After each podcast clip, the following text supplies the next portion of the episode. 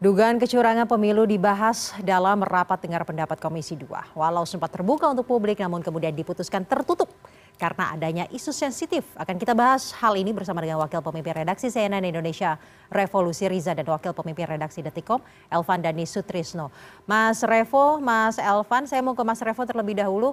Mas RDP akhirnya diputuskan untuk uh, tertutup karena ada isu sensitif yang dikatakan bahwa menyebut-nyebut institusi lain.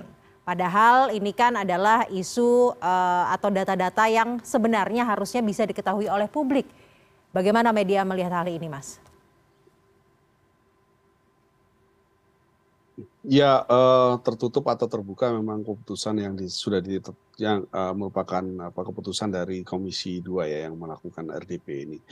Uh, tapi gini, Sarsa, uh, ketika Eh, Komisi 2 memanggil eh, komisioner KPU dan juga koalisi kawal pemilu bersih bagi kita ini merupakan satu langkah maju gitu ya. Hmm. Uh, kita termasuk yang uh, cukup concern terhadap isu pemilu uh, kecurangan pemilu ini, dugaan kecurangan pemilu ini karena buat kita adalah pemilu merupakan salah satu langkah awal untuk mewujudkan pemerintahan yang baik gitu, pemerintahan yang demokratis.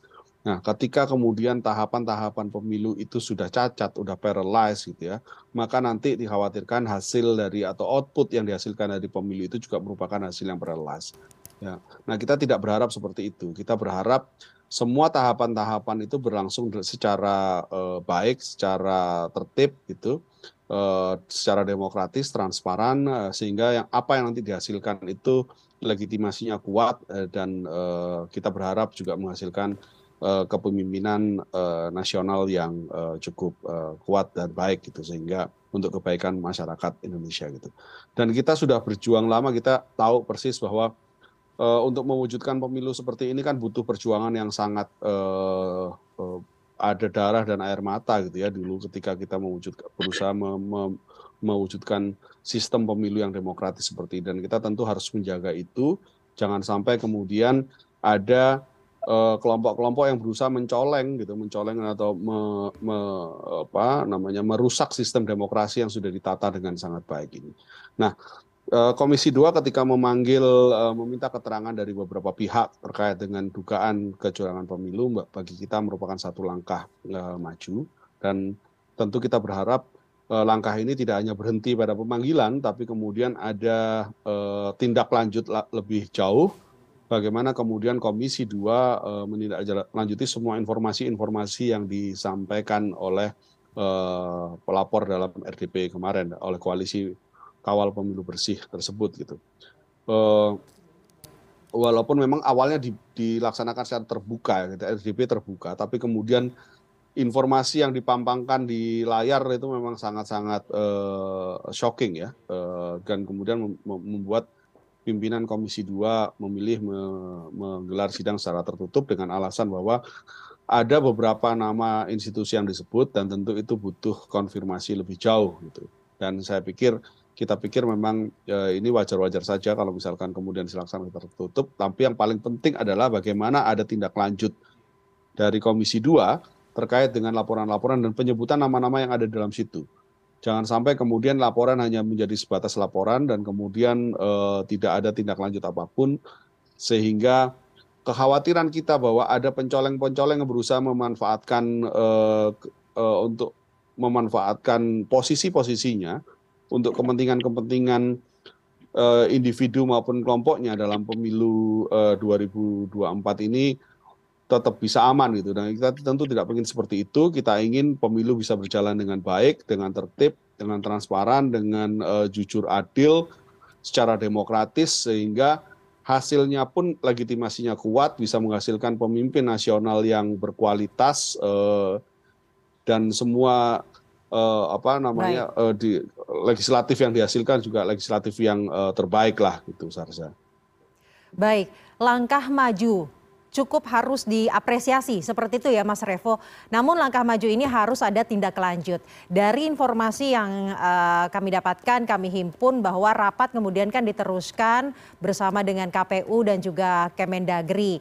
Berbicara mengenai tindak lanjut, ada harapan bahwa temuan atau laporan yang diberikan oleh uh, Komisi Kawal Pemilu tersebut langsung ditanyakan atau dikonfirmasi kepada pihak-pihak terkait. Namun dari informasi yang didapatkan bahwa dalam rapat bersama dengan KPU dan juga Kemendagri ini tidak ditanyakan langsung uh, membahasnya tentang sistem proporsional terbuka ataupun tertutup, tapi tidak menyinggung mengenai adanya dugaan kecurangan uh, pemilu tersebut. Tanggapannya Mas Elvan terkait hal ini? Oke, uh, kita harus sepakat ya apa namanya pemilu uh, asas pemilu kan sudah kita sepakati bersama. Dan pemilu yang legitimate itu hanya bisa terwujud kalau penyelenggaraannya itu legitimate. Jadi seharusnya dalam penyelenggaraan pemilu itu tidak pernah bernegosiasi dengan candaan, wacana yang kontraproduktif, apalagi dengan adanya dugaan kecurangan artinya pemilu itu harus betul betul harus legitimate ya. Betul harus legitimate jadi betul betul uh, prosesnya itu harus clear. Nah kemudian kalau ada dugaan seperti sekarang ini memang sebetulnya kami apresiasi juga ya DPR akhirnya bergerak ya kan. Karena sebelumnya kan uh, dalam diskusi kita sebelum sebelumnya kita kan juga mendorong DPR untuk untuk andil untuk memanggil KPU karena waktu itu tidak ada yang mau ikut atas nama intervensi Padahal kalau DPR manggil ya bukan intervensi, itu adalah bentuk kontrol daripada publik. Nah, kontrol publik melalui DPR RI ya harus betul-betul bebas ya kan bebas lah namanya uh, masyarakat ngomong sama DPR, uh, masyarakat ngomong sama wakil rakyat gitu kan bebas ya kan ngomong. Sebetulnya yang ngapain ditutupi gitu kan? Hmm.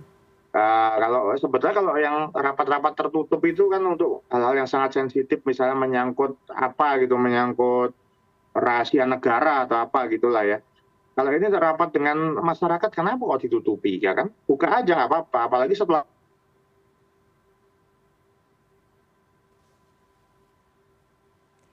rapatnya tertutup kan kita jadi nggak tahu nih kalau kecuali kemudian memang akhirnya koalisi masyarakat sipilnya kemudian kan bicara di luar. Jadi kita tahu dugaan mereka tentang bagaimana sistematisnya. Hmm. tapi kan itu mereka tidak terungkap di dalam rapat DPR coba kalau terungkap di dalam rapat DPR akan jauh lebih legitimate. Hmm artinya masyarakat jadi bisa ngontrol gitu jadi bisa ikut ngontrol nih apa sih salahnya? Sebenarnya masyarakat nggak muluk-muluk kan mintanya. Mintanya adalah proses demokrasi dikawal secara jujur dan adil. Jadi ketika pengaduan sudah masuk sekarang ya uh, harus betul-betul sama DPR yang sudah jempol nih ya kan berani masuk manggil-manggil ya kan jempolnya biar tambah lagi. DPR harus betul-betul meluruskan mengklirkan jadi pastikan benar nggak itu chat-chat yang dibuka di situ? Betul nggak orang itu terkait dugaan seperti itu. Kalau terkait dugaan seperti itu, KPU juga harus membuktikan bahwa dia penyelenggara yang legitimate. Ya, saya yakin KPU mulai dari ketua dan seluruh komisionernya menjaga legitimasi KPU sebagai penyelenggara pemilu. Nah kalau legitimate dijaga ya berarti begitu ada yang melanggar pecat. Gitu. Kita jangan pernah bernegosiasi dengan penjahat demokrasi. Ya, jadi betul-betul harus clear kalau memang melanggar ya pecat gitu aja. Jadi jangan sampai nilai sedikit rusak susu sebelanga ya kan namanya juga dalam proses ya kan ada kesalahan ya ditindak sesuai dengan sanksi yang berlaku. Begitu saja kok masyarakat minta begitu saja. Nah, karena dengan begitu dikawal setiap pelanggaran kemudian diproses hukum dilakukan sanksi artinya tidak akan diharapkan tidak terjadi pelanggaran dalam proses-proses yang lebih besar lagi nantinya. Sehingga kita kembalikan proses pemilu yang legitimate itu ada satu-satunya jalan menghasilkan pemilu yang legitimate mencari pemimpin yang betul-betul berintegritas. Saya kira kayak gitu. Jadi sekarang karena sudah sudah viral juga kan lebih baik hmm. DPR pastikan gitu mendorong betul-betul mewakili rakyat. Kalau memang DPR mewakili rakyat kan mewakili rakyat menjadi penerus lidah rakyat untuk menagih mengkonfirmasi betul atau salah. Dan kemudian setelah itu mengawal sampai ada sanksi. Ya itu kan juga bisa dilaporkan ke yang terkait lain. Tapi DPR saya kira kunci ya karena DPR adalah rakyat ya. Baik. dan jangan lupa sekarang adalah waktu mem waktu pembuktian bagi DPR karena selama ini DPR kan kurang suaranya kan. Nah sekarang mau pemilu nih waktunya nih untuk betul-betul menunjukkan sebagai suara rakyat begitu. Baik terakhir ke Mas Revo itu artinya sebagai tindak lanjut apakah DPR ini harus kembali memanggil KPU dan juga pihak-pihak atau instansi terkait yang diduga melakukan kecurangan pemilu dan membukanya. Jadi rapatnya tidak tertutup lagi. Seperti apa Mas Revo? Ya harusnya seperti itu ya. Semua informasi yang ada itu ditindaklanjuti. Atau setidaknya memanggil uh, mengawal supaya proses yang berjalan di DKPP ini bisa berjalan dengan uh, baik gitu. Jangan sampai kemudian pelaporan yang diajukan ke DKPP ini mandek begitu aja. Kalau memang misalkan DKPP dalam kurun waktu eh, berapa gitu ya waktu itu tidak ada tindak lanjut dari eh, ini maka wajib juga DKPP untuk dipanggil oleh KP oleh eh, DPR misalnya. Nah, itu yang yang yang kita harapkan sebenarnya bagaimana kemudian wakil-wakil rakyat kita yang duduk di legislatif ini menjadi kepanjangan memang menjadi wakil dari rakyat kita dari kita semua gitu.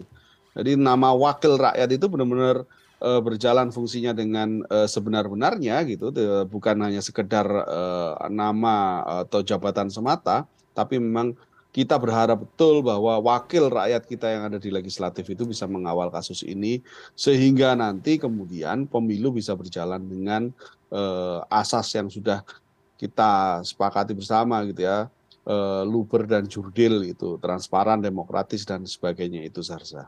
Baik, semoga DPR memperlihatkan giginya ya dalam kasus ini. Terima kasih Wakil Pemimpin Redaksi CNN Indonesia Revolusi Riza dan juga Wakil Pemimpin Redaksi Detikom Elvan Dani Sutrisno telah bergabung pada malam hari ini di CNN Indonesia Prime News. Dan untuk selanjutnya,